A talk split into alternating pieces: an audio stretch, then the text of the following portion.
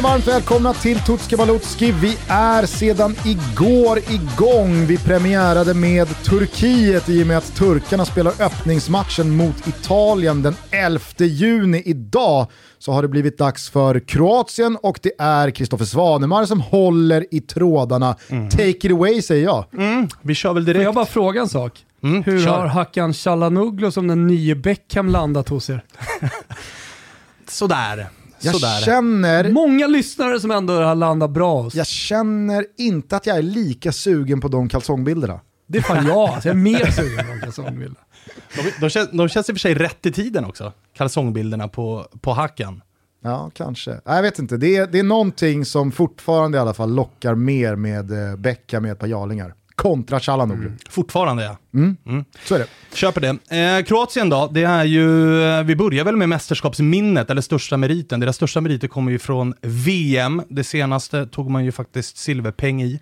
Eh, och innan det då så är det ju kombinerat då med minnet så landar jag ändå i VM 98, som ju var deras eh, första. Innan dess så var man ju Jugoslavien. Och det, där, det, det var ju första gången jag var i 10 bast då, eh, Gusten ett år yngre väl. Det var ju liksom då... Även då? Ja, även då. Eh, men det var ju då man liksom verkligen blev kär i sporten på något sätt. Och man, de här schackrutiga tröjorna gjorde ju någonting med. De var ju, de var ju speciella. Jag säger topp fem tröjor i mästerskapshistorien. Ja, Kroatiens 98. och även om jag, och det tar ju emot att säga, så har jag faktiskt charmats lite av den här trenden med att börja laborera mer och mer med tröjorna, det som är inne nu hos klubblagen. Men här hoppas man ju att rör inte schackrutorna, det får ju inte ske. Nej, det kommer väl aldrig ske heller. Nej.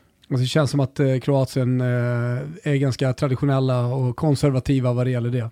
Nej, men det, var ju, det var ju en otrolig bekantskap man stiftade med, eh, alltså för mig var det väldigt mycket Balkanfotbollen i stort i och med att kriget rasade de där åren. Så att man, man såg ju så väldigt lite av både klubb och landslag därifrån. 98 så kommer eh, Kroatien med Davor Šuker längst fram och bara det var, det var inte Grekland 04 som köttade sig till eh, medaljmatcherna, utan Kroatien spelade ju ut. Det var ju därför de vann eh, världen så att säga. Deras eh, engagemang och många som höll på dem, Lilleputtlandet. Ingen hade egentligen några förväntningar inför, även om man visste att det var en bra nation med bra spelare. Så kommer jag ihåg hur, i alla fall mitt mindset, som är tio år äldre än er även då, var och, och det var liksom att, så här, om man tänker hur bra Jugoslavien hade varit, man var kvar i Jugoslavien. Tänk om man hade slagit ihop där, hur bra det hade blivit. Det går väl inte att ta isär de här och så har vi en av de här nationerna som blir toppbra och kan utmana de allra bästa. Det, det, det kändes liksom omöjligt på något sätt och så gjorde de det ändå.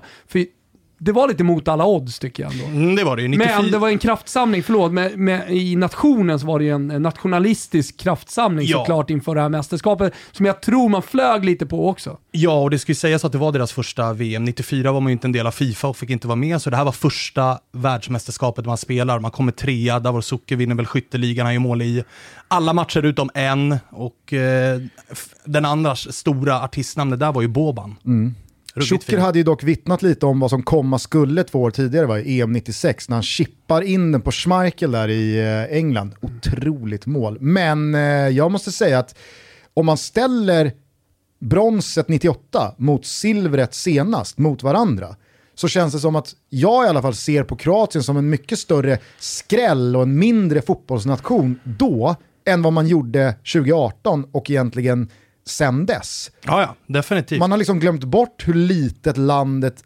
är och att knallen borde pratas om som större än vad det faktiskt görs. Vet du vad man använder Kroatien som eh, nu för tiden inom svensk eh, ungdomsfotboll? Ja, det tydligaste exemplet på att kan de så borde vi kunna. Exakt. Kroatien, Belgien brukar nämnas. Då var det i alla fall inte särskilt många, så här, kollar man igenom den truppen då så är det inte jättemånga namn utöver liksom Davor Suker, Boban. Det var en ung Igor Tudor, 20 bass, som inte fick jättemycket speltid då, men som ju fick en fin karriär. Men den Kroatien-truppen vi ser nu däremot, den innehåller ju ganska många stora stjärnor, så att liksom 98 slår lite högre för mig än vad 18 gjorde. 18 minns man ju också Kalinic-skandalen som ju blossade upp. Och det här är ju... Mesig skandal kan jag ändå tycka. Ja, men han skickas ju ändå hem när han vägrar. Visst, det är inte VM, där finns det ju andra nationer Men han är, som för stå för... liten, han är för liten stjärna för att det skulle bli en praktskandal. Förstår du vad jag menar? Så är det, men det är, det är väl också EM i ett Det var ju nötskal. bra för Kroatien att han skickades hem. Ja, tydligen. tydligen. Ja, jag säger ju det. Det var, det, det var tydligen det, men jag kommer ihåg inför att vi pratade också om det som att, så här, vadå Kalinic? Men han har inte en skandal i sig ens. Nej, nej, nej, nej. Och han har ju inte fått se landslagsfotboll sen dess. Usel i Hellas Verona under hela den här säsongen. Titta på vår landslagsfotboll, det är precis det han har fått göra sen dess. Men eh, ja, VM-silver 18, också då eh, VM-bronset eh, 98. Det är. Känslan är ju verkligen att om 40 år, 40 kanske är att ta i då, men, men om 20 år så kommer ju fortfarande Tjocker, Robert Jarni, Prosinecki och 98-gubbarna Galna jävla Prosinecki. Mm. behöva betala för mindre kaffe och öl och mat än vad 18-gänget kommer göra. Ja, det är väl typ bara Modric kanske som, som är i samma kategori. Men i övrigt så, jag håller med dig. Håller med Kalinic dig. får dubbla noter. Han är, inte, han är inte välkommen hem. Ja. Meritmässigt så är det ju otroligt imponerande att det där fotbollslandet stoltserar med både VM-brons och VM-silver på 20 år. Mm, det är det definitivt. Vi lämnar eh, mästerskapsminnen då och eh, går till eh, kvalet som du var inne på i Turkiet-avsnittet. Det var ju länge sedan, men vi ska ändå föra det till protokollet att Kroatien hamnade i ja, men lite rörig gruppen då med Wales, Slovakien, Ungern och eh, Azerbajdzjan. Eh, inledde också lite halvknackigt faktiskt med att torska borta mot Ungern. Sen dess obesegrade, man vinner gruppen med, med tre poäng. Men det var det var långt ifrån att man bara gick ut och körde över alla lag, utan det var mycket uddamålssegrar. Man inledde knackigt med att bara spöa Azerbajdzjan med uddamålet. Jag tror det var ett självmål i den matchen till och med som avgjorde. Så att, som vanligt när Kroatien kvalar så, så är det lite så här stolpe in. Man gör det som krävs, men inte så mycket mer än det. Var väl också en ganska påtaglig baksmälla efter ja. det där silvret. Det ska sägas att det, att det var Bruno Petkovic, bästa målskytt på fyra gjorda, vilket skvallrar en del om vart problemen ligger i det här laget som vi kommer komma tillbaka till. Det är nog men många så- lyssnare som kliar sig i huvudet och, och undrar, vem? det behöver man för- inte skämmas över. Nej, Verkligen absolut inte. Alltså för mig och Thomas och för all del dig Gusten som följer Serie A väldigt nära så var han ju och gjorde Eh, en sejour i Italien i Bologna och Hellas Verona. Spelade över 30 matcher som anfallare, gjorde noll mål. Mm. Säger ju faktiskt Men han gör fyra för Kroatien och det är det vi fokuserar på i och vinner alltså kvalets, eh, alltså gruppens skytteliga på Ja. fyra gjorda. Men eh, som Gusten är inne på här, baksmällan efter silvret, det kommer jag ihåg, det pratade vi väldigt mycket om i Toto Balutto. Alltså så att den var så jävla påtaglig.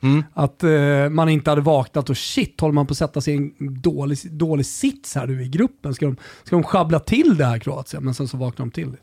Eller så gjorde de inte det, för det fortsatte ju med Nations okej, jag League. bara för mig, för mig att de vaknade. Nej, det, det, det är väl kanske nu då de har börjat göra det när VM-kvalet har kommit. Men i Nations League så vet ju vi om, de hamnade i samma grupp som oss i A-divisionen med Frankrike och Portugal och det var ju vi och Kroatien som gjorde upp om sista platsen med att slå varandra och Kroatien klarar sig. Ja, det räckte med en kasse. Eh, räckte det för att hålla sig kvar. Sverige var ju bättre än Kroatien i Ja. tre av fyra halvlekar. Ja, så att Kroatien har ju flax som klarar sig kvar i den här A-divisionen. Och det är ju ett ganska kraftigt underbetyg att man, man åker på pumpen gånger fyra då mot eh, Frankrike och Portugal och har i ärlighetens namn inte mycket att sätta emot i de matcherna. Så att, eh, återigen, även där så har man problem med eh, offensiven då sen Mario Mandzukic ja, men, checkat ut ifrån fotbollen egentligen. Tutski Balutski är sponsrade av Simor och ni vet ju att ni ser hela det här härliga mästerskapet utan reklamavbrott på Simor. Ja, inte bara det. Det är en ligaavslutning nu också. Alltså man man eh, förbereder sig på ett perfekt sätt genom att ha Simor, genom att följa ligaavslutningen i La Liga och eh, Serie A och sen så har man ju då allting uppbollat för att se hela mästerskapet utan reklam. Man kan ju även ta Gugge i handen också under Fotbollssöndag Europasäsongsavslutningen. Ursäkta Gusten, det skulle kanske jag ha sagt. Eh, jag kollar på det varje söndag. Jag vet att det är många som gör det. Fantastisk eh, fotbollsunderhållning på söndagarna. Det kanske inte alla vet dock är att man kan se Simor utanför Sveriges gränser inom EU, precis var man än befinner sig. Så att har ni inte Simor ännu, skaffa Simor nu så får ni upplösningen av Serie A och La Liga, men på det som körsbäret på tårtan hela Europamästerskapet utan reklamavbrott. Ah, men det är underbart. Stort tack Simor för att ni finns. Eh, VM-kvalet inleddes ju under våren här. Eh, ja, precis. Eh, hur har man inlett det då? Där har man ju en enkel grupp. Ryssarna finns där, men i övrigt så är det Slovakien, Cypern, Slovenien och Malta Så den gruppen ska man ju faktiskt eh, bara lösa. Man inledde i och för sig med att torska borta mot Slovenien med 1-0, så att det går ju igen den här trenden om man... Men Slovenien, fan vad luriga de är ändå. ja, ja, ja. Ilicic, Ja, Handanovic. Handanovic. och- Eller Handanovic, de har ju Det är för väl fan Oblak. Oblak i Ja, mål. till och med det. Handanovic är andra keeper. Han tavlar ju bort Sick. sig även där. Nej, men två raka segrar sen mot Cypern och eh, Malta. Så man är på banan. Man är på banan. Ryssland har också inlett med en torsk och två vinster. Så att mycket talar ju för att det, eller allting kommer ju avgöras i det dubbelmötet mot Ryssland. Och då gör man vad som krävs. Ja, Men eh, du får väl rätta mig om jag har fel, men eh, alltså, att baksmällan kommer efter en framgång, det är ju fullt naturligt. Kanske ännu mer rimligt när man som i Kroatiens fall gör det med en generation som får ut den där framgången. Men sen så ska man vidare med typ samma lag. Och då pratar vi Modric, Rakitic, Lovren, Mandzukic. Alltså så här, det är inte spelare som är någonstans i karriären när man, okej, då laddar vi om in i nästa kvalcykel, in mot nästa mästerskap på samma sätt när man har löst det där silvret. Nej, och generationsväxlingen har man ju försökt på, men de spelarna har ju inte varit tillräckligt bra. Alltså, du och jag minns ju Tinjedvaj, Marko Rog, det var ju uppsnackade kroatiska talanger som kom till Roma och Napoli som sen har blivit piss. Ja men Cagliari-spelare va, Rogg, fortfarande skadad Ja. den här säsongen. Är Ja. han, inte han eh, out från uh, mästerskapet? Jo, jo, det är ju det är Ja. någon korsbandsskada, han har inte spelat alls. Jedvaj- rullade väl bort i Tyskland. Ja, Bayer Leverkusen där någonstans. Så den här generationsväxlingen har ju inte funkat. Och anfallsfrågan, alltså det säger ju det mesta, att Bruno Petkovic, som, Mm. liksom, han fick ju vända hem till Dinamo Zagreb igen. Han har varit och snurrat på, på eh, startande anfallare i Kroatien. Så att, Mm. eh, det är precis så som du säger, att det är en mättnad hos de äldre spelarna som, eh, och det, de nya har inte kommit in och varit tillräckligt bra helt enkelt. Så, Mm. så det är väl en logisk mättnad också. Men det måste väl ha hänt grejer på förbundskaptensposten? Jag vill bara säga det med Bruno Petkovic, alltså, man älskar ju ändå att i, i spe, speciellt landslag ha en spelare i truppen som är enorm. Alltså Bruno Petkovic är väl typ 1,95, alltså han är axelbredd som alla vi tillsammans. Eh, nej men det, det är någonting med do, den typen av spelare, du får alltid ut någonting av dem. Alltså det, Alltså, jag, fyller har en funktion och försvarat, jag har alltid försvarat liksom, eh, skithuset Ja. att slänga in sista 15-20. Andy Carroll, Jan. Koller, Peter Crouch, Cherry, Peter Crouch kanske inte är axelbred som en lada eller väger 110 kilo, men han har i alla fall längden. Alltså, det, Ja. det, det är den rollspelare man vill ha i ett mästerskap. Kneten Andersson bara för att backa band. Förbundskapten undrade du, det Mm. har man inte bytt sedan 2017, utan det är fortfarande Zlatko Dalic som hänger i. Och det är ju faktiskt inte en särskilt profilstark tränare, inte som spelare heller. Gammal defensiv mittfältare, studsade mellan Hajduk Split och ett par mindre klubbar innan karriären lades på hyllan. Som tränare så, och även där så har det varit mindre kroatiska klubbar, det var någon sväng i Albanien och sen så sket han ju i att faktiskt satsa på en klubblagstränarkarriär och valde 2010 att dra till Saudi och casha in. Helt rätt. M- måste hedras. Ja, ja, absolut. Han var ju där i sju år innan då Kroatiens landslag ringde och det blev... Fan, är, är, det, är, det, är det den här gubben alltså som har gjort mest för saudisk fotboll? Han är ändå där måste i, nämnas i toppen kanske. Roland Andersson var väl där. Roland Andersson och Dalic. Där har ni någon som gjort mest för saudisk fotboll. Men då låter det Nycklarna ändå... till staden. Och Då låter det ju ändå som att eh, det där VM-silvret, det, det, det kan han leva länge på. Det verkar ja, inte spela så stor roll eh, vad man gör efter det. Nej. Du får sitta till nästa mästerskap Ja, och ändå. dess, dessutom så är det ingen profilstark herre, så att det blir liksom att man pekar på spelarna som anledningen till varför det går dåligt, medan Dalic fortfarande lever på, på silverpengen. Det som är lite så här, det som skaver för mig är att man, när man tänker på kroatisk fotboll så tänker man ju Dinamo Zagreb som maktfaktorn, där finns Mamic som vi kommer återkomma till såklart. Medan Dalic är stor Hajduk-supporter, vilket är verkligen lillebror. Storklubb visserligen, men lillebror. Så att han får förtroende fortsatt for, från eh, förbundet, det förvånar ändå lite. VM-silver lämnar- VM-silver. VM-silver VM-silver. Alltså där har vi i Sverige någonting att lära. Att man är öppen med eh, vilken eh, politisk läggning man har men också vilket, la vilket lag man håller på istället för att hymla om det. Jag tycker att vi, vi ska lära oss någonting av de här gubbarna. Jag älskar Sveriges liksom, anonyma GH-led. Det gör du ja. Ja, här pratar vi inte lön eller vad vi röstar på. Nej. Vi är alla idrottslärare i grunden. Vi kan hålla ett jumpapass i vilken mellanstadieskola, vilken dag som Halvdåligt helst. ju- jumpapass i, i någon skola. Innebandy, det blir innebandy idag. Nu blir det spökboll. Spökbollen. Precis fram. så man vill ha den svenska fotbollsmyllan. Ja, vet du vad, vi- vet du vad vi också är unika med i Sverige? Pratar brutto.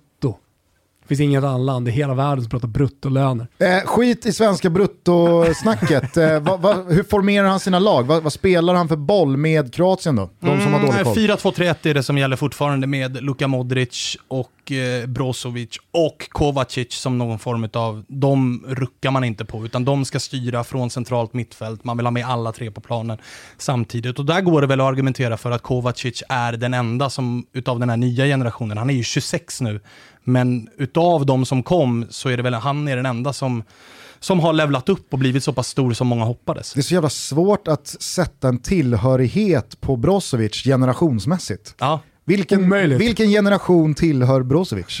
Han är, han är ju, han är, alltså rent moral, psykiskt så är han ju, då är han ju 19. millennial. Exakt. Ja, det, är, det, det är en kid. Ja. Den här senaste bombtatueringen han har dragit vi till sig lärt med på oss att halsen. han är ju inte millennial, utan han är ju generation Z då. Ah, Visst. ja. Men eh, okej, 4-2-3-1. eh, Det är fyrback, det är en ensam eh, topp där och det är ju en kvalitet i överflöd centralt på mittfältet. ja, det är precis så det är. Eh, mittlåset kommer vi att komma lite till när vi snackar eh, vår gubbe, men vi kan väl börja med snackisen eller? Jättegärna. Ja, ja. Mm. Där har det ju varit, som du var inne på, generationsväxlingen har ju varit en grej. Dejan Lovren var ju ute på senaste landslagssamlingen och sa, pratade om just generationsväxlingen och var inne på att det är eh, alldeles för bortskämda juniorer nu för tiden. Det är därför de inte tar klivet. Bättre var det på hans tid, va? När man behövde kriga på riktigt om en plats. Nu är det Gucci-väskor från att de fyller 16 år ungefär. Så han är lite lack och tycker att det är anledningen då till att de är Börja putsa dojor, sen kan ni Ja, börja snacka. pumpa bollar, bär koner, det är Dejan Lovren inne på. Har gjort starka senaste 18 månader i sociala medier, Dejan Lovren. Mm, var väl ute här med Superligan också och Visst. härjade. The day football became soccer, twittrade han. Och även hade han lite tankar om coviden va? Det var väl 5G och det var Exakt. det ena med det tredje. Han ställde sig väl bakom den här eh, otroligt radikala konspirationsteoretikern som menade på att eh, covid-19 bara var ett eh, svepskäl för att ja, implementera chip i alla och 5G-nätet skulle ta över allas liv och så vidare. Men eh, han var väl en stor... Ta över mig känner jag. Han var väl en stor favorit också, sociala mediemässigt eh, bland Liverpool-supportrarna också, sin sista tid där. Mm. Inte lika mycket favorit på planen kanske. Nej, Fast den här säsongen kämpigare. borde de ju visserligen ha saknat honom. Say hello to a new era of mental health care. Cerebral is here to help you achieve your mental wellness goals with professional therapy and medication management support. 100% online. You'll experience the all new Cerebral Way, an innovative approach to mental wellness designed around you. You'll get a personalized treatment plan from a therapist, prescriber, or both in a safe and judgment free space. Your Cerebral therapist or prescriber will outline a customized plan with clear milestones along the way so you can get to feeling your best. With Cerebral, you're not alone in your mental health journey. We're here to empower you to live a fulfilling life. So take that first step towards a brighter future and sign up today at cerebral.com slash podcast and use code ACAST to get 15% off your first month. Offer only valid on monthly plans. Other exclusions may apply. Offer ends July 31st, 2024. See site for details. Ryan Reynolds here from Mint Mobile. With the price of just about everything going up during inflation, we thought we'd bring our prices down. So to help us, we brought in a reverse auctioneer, which is apparently a thing. Mint Mobile unlimited premium wireless. Ready to get 30, 30, bit to get 30, bit to get 20, 20, 20, bit to get 20, 20, bit to get 15, 15, 15, 15 just 15 bucks a month. So, Give it a try at mintmobile.com slash switch. $45 upfront for three months plus taxes and fees. Promo rate for new customers for limited time. Unlimited more than 40 gigabytes per month. Slows. Full terms at mintmobile.com. i och med problemen som har varit. Men skit i Dejan Lovren nu. En annan snackis som inte går att undkomma när man snackar kroatisk fotboll är ju Mamic. Den här Dinamo Zagreb-pampen, som ju alltid är aktuell, vare sig det är landslagsfotboll eller om det är klubblagsfotboll. Nu var det ju för något år sedan här där han var anklagad och det, var, det gick så långt som rättegång och så. Det var ju, han förskingrade ju pengar och det var pengatvätt och det var utpressning och det var allt möjligt. Domen kom, sex och ett halvt år bara det att ingen visste vart Mamic var. För dagen innan domen kom så taggade ju han. Han flydde i landet och har ju varit på landsflykt sedan dess. Är det Dominikanska republiken? Nej, utan det är, det är väl nog grannland va? Bosnien har de väl dragit till. Det är väl inget utlämningstillstånd eller någonting där. Så att han, han gömmer sig i någon bunker, men han har ju skickat ut ett uttalande i alla fall. Och det är ju att om jag ska in bakom lås och bom, då ska Modric också det. För Modric vittnade till min fördel och det betyder att Modric ljuger. Så det här är ju någonting som, liksom, även när det är landslagsfotboll så, så kommer ju de här grejerna på tal hela tiden. Och Modric- bara för de som inte har koll, vad, vad är det liksom Mamic och Modric eh, har eh, kokat ihop eller då är anklagade för? Ja, det, är, det är hela den här grejen om förskingring, det är undanhållande av skattemedel, det är pengatvätt. Och... Oegentligheter kring det ekonomiska. Ja, precis så. Då ska ju sägas att Mamic, som jag har rattat inom Zagreb i många år, alltså han var ju hedersgäst på Kovacic bröllop, eh, alltså Modric och han har ju, har ju också haft saker vid sidan om där de, de verkar ha ett väldigt tajt band och nu när den här domen har kommit så, så Modrics bild i Kroatien förändras ju inte just nu med tanke på att han är den som har gjort mest landskamper och han är ju en, en nationalikon. Men Mamic försöker ju nu använda honom som någon form av skyddsväst emot det han står anklagad för. Så det är alltid den här typen av skandaler runt Mamic och således också runt kroatisk fotboll. Men Mamic har väl eh, whatsoever ingen officiell position i fotbollen. Nej, inte längre.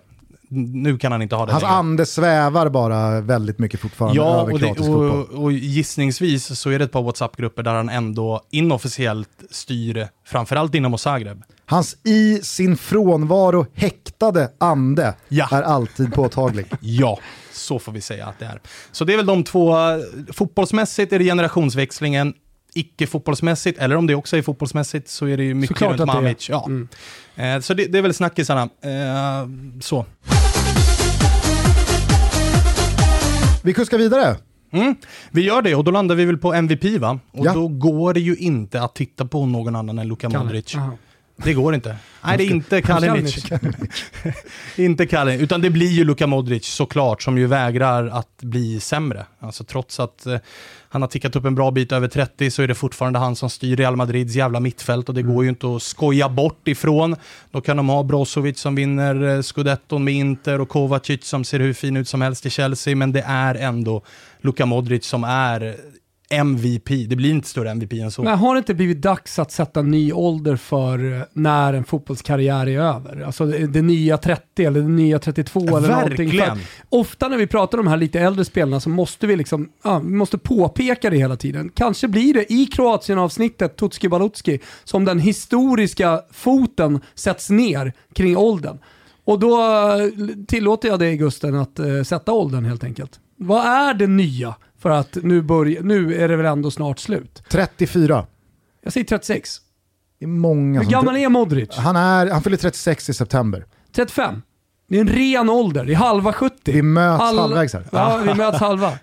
Jag tänker bara att visst, jag, jag, jag, alltså, jag håller med dig om att eh, Ronaldo, Modric, Ramos och så vidare, de har bevisat att eh, 35 bara är en siffra. Men det är ju ganska många spelare utöver dessa herrar som faktiskt har klingat av Men de blir pre-35. färre och färre. Men 30 är ju inte längre vad 30 var. Nej, nya 30-35. Ja, alltså i eh, Turkiet-avsnittet pratar vi Burak Yilmaz, han är årsbarn med Luka Modric, så att bevisligen så i topp 5-ligorna båda två så levereras det fortfarande. Så att, nej, Luka Modric MVP, det, det eh, blir, och han behövs ju med sitt, alltså det är ett spretigt gäng det här. Alltså det är många karaktärer i det här laget, många skallar. Luka Modric är inte bara fotbollsspelaren, utan han är också lugnet och lungorna och någon form av, så han samlar ihop det här laget, både på och utanför plan i känslan. Och vaderna. Och vaderna. Har ni aldrig sett Luka Modric vadmuskulatur så bildgoogla, gör det nu. Gör det nu och hetsa upp er. Fin uppmaning, men eh, han behöver ju ingen närmare presentation, Luka Modric. Nej, däremot så tänker jag att eh, hans gamla radarpartner på det där inne i mittfältet, Ivan Rakitic, eh, han har fallit ifrån Inte eller? nämnt den. Ivan Rakitic har lagt landslagskarriären åt sidan och sysslar numera Otroligt. endast med klubblagsfotboll. Är alltså två år yngre än Modric, men har redan kastat in handduken. Jo, men också Sen när här- då? Han valde ju att köra på här med Nations League och så, men i september 2020, med mindre än året kvar till EM, så bestämde sig Rakitic för att nej, nu får det räcka. Fan vad den flög förbi alltså, utan att man märkte det. Han gick ut med något meddelande om att det var bland de tyngre besluten han har tagit i karriären och så vidare. Landslaget har nytt eh, fått sig en av de största supportrarna man kan ha, men mig får man spela utan. Okej, ja ja. Eh, Sorgligt känner jag. jag känner att det är ett mycket, mycket märkligt beslut. Okej om man hade missat EM och liksom, nej men nu, jag, jag tackar för mig, det är för långt till VM 22. Ja, och i sådana fall borde ju det beslutet kanske ha kommit när EM sköts upp, men han väljer ändå att spela här i september. Och det var hör- senast han var med. Men gubbar, sen, Har vi inte en, eh, en eh, Clamoroso-comeback eh, i maj från Rakitic och så är det han som liksom skjuter dem till...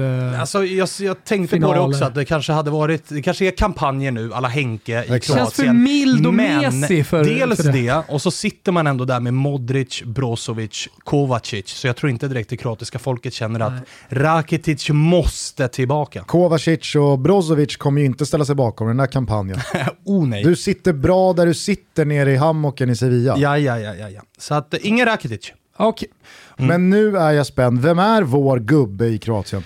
Det vet du ju om du tänker efter riktigt noga, för det är alltid Domagoj Vida. Ah, Det är den där frillan, eh, det där utseendet, den karriären, den Den flickvännen. Ja, mentaliteten. herregud. Och på ta, eller och vi, vi stoppar inte där utan vi säger också det husdjuret. Vet ni vad han har för husdjur?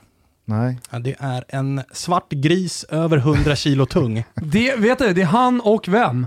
Balotelli har väl en gris? Nej, ja, han hade väl någon liten gris, men framförallt så är det ju Pavoletti, anfallaren i Cagliari, som köpte en svart gris och döpte den till Mourinho. Eller Mo bara, heter den. Efter Mourinho. Han är bara 31 vida. Det känns också märkligt. Det känns som att han skulle också kunna vara och nosa på 35-36 där någonstans. Var väl också en del av eh, Guners eh, Besiktas? Eh, ja, det var han. Och har ju innan det såklart varit i, i eh, Dinamo Zagreb. Eh, så att han, han eh, ja, fint att vi kan klaffa ihop avsnitten för de som lyssnar på, på allihopa. Men i det här tekniska, fint fotbollsspelande Kroatien som hela världen älskar att titta på, så är det härligt att det finns en karaktär som Vida i laget. Mm. Alltså någon som verkligen kommer in med den här grintan. Lite jävla finskt sisu, han ser till och med nästan ut som en finne. Eh, Faktiskt. och, och, och smäller på. Men det är fortfarande Vida Lovren eller? Jajamensan, jajamensan. Och eh, vår gubbe måste ju också ha hamnat i lite skandaler. Det gjorde ju Vida VM 2018. Om ni minns när Kroatien spöar Ryssland. Och Vida på slutsignalen sätter sig med någon ASS-tränare där och spelar in en video där Vida avslutar med “Heder till Ukraina”.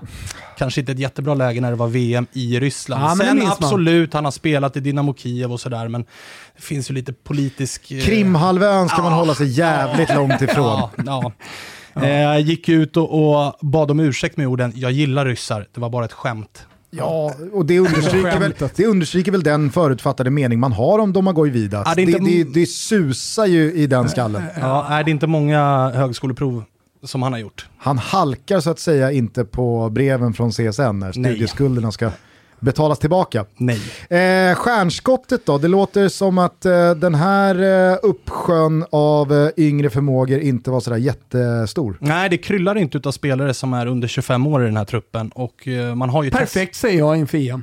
Mm, kryllar inte av supertalanger just nu. Utan det är Josip Brekalo som vi får eh, hitta. Det var ju Nikola Vasic var ju en av dem som man hoppades på mycket, men han fick det ju aldrig riktigt att stämma i Everton och skeppades numera till CSKA Moskva, eller Cheska är det väl man ska säga nu för tiden. Jag fortsätter Nu köra gjorde du en Martin CSKA. Åslund. Det var första och sista i Tutski Balutski. Jag tar den, Ja. jag tar den. Eh, Brekalo är i alla fall den som det bubblar lite grann kring just nu. Har ju fått någon form av genombrott i Wolfsburg. Lämnade kroatisk fotboll tidigt. Ytteranfallare som ju har gjort hyfsat mycket poäng i Bundesliga. Jag Gör en otrolig säsong. Wolfsburg ska Ja, sägas. det gör de. Han får ju mycket speltid där. Men mm, när man kollar runt lite grann bland de som följer Bundesliga så är det så här, det är bra, men det saknas fortfarande den där lilla edgen. Han har ju också, precis som eh, Domagoj Vida för övrigt, hamnat i lite problem rent PR-mässigt när Wolfsburg bytte kaptensbindel. Bytte ju till regnbågsfärgade och eh, Brekalo är ju eh, väldigt eh, troende. Så han gick ut och började gilla kommentarer som sa emot det här på Instagram. Och sen gick han ut själv och sa att jag är väldigt, väldigt eh, troende. Jag eh, respekterar folk som gör annat i sitt liv, men jag kommer då inte dra på mig den där binden för att hylla den typen av grejer. Så att, eh, Ja, det är, väl, alltså det är väl vad det är med det kroatiska. Det är mycket spretiga Mm. åsikter och det händer mycket. Det känns som att det är lite så här, det ligger en skandal runt hörnet lite hela tiden. Det är väldigt mycket stora egon i den här truppen. Ja, men sen så ligger ju liksom politiken eh, fortfarande väldigt färskt i minnet hos må- många. Alltså Brekalos farsa Ante var ju också fotbollsspelare, Ja. spelade för Bosnien. Mm. Så, eh, och eh, ja, var ju med i kriget, alltså med i kriget och blev skadad i kriget och karriären fick ett abrupt slut och så vidare. Så att, eh, ja, det, det är klart att det inte var länge sedan det var 90-tal. Nej, det är ju faktiskt inte det och det ska man ju ha, det ska man absolut ha respekt för. Men eh, i brist på annat så får ändå Josip Rekalo bära stjärnskottsbinden då, eh, när Kroatien kliver in i det här med ett mästerskapet. svagt eh, stjärnskott, hyfsat svagt stjärnskott trots. Men om då 35 är det nya 30 så kanske vi ska dra upp eh, talangåldern också. Ja, kan, jag tycker att vi drar upp det till 22 i Alltså, alla fall. 22 är det nya Ja. 19. Ja, Mm. 98 då,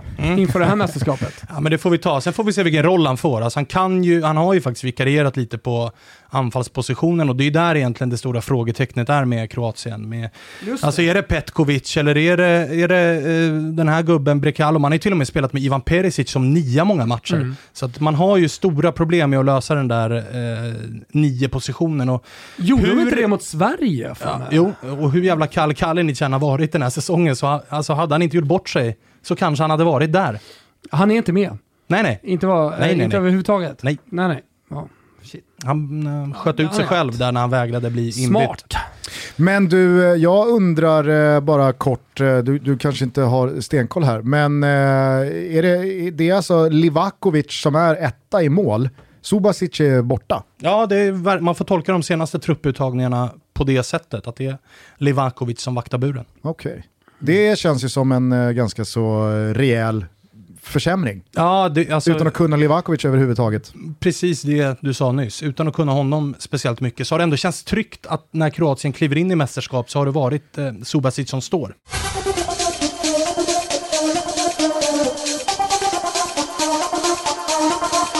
Men du, eh, de har inte fått någon jättetuff grupp.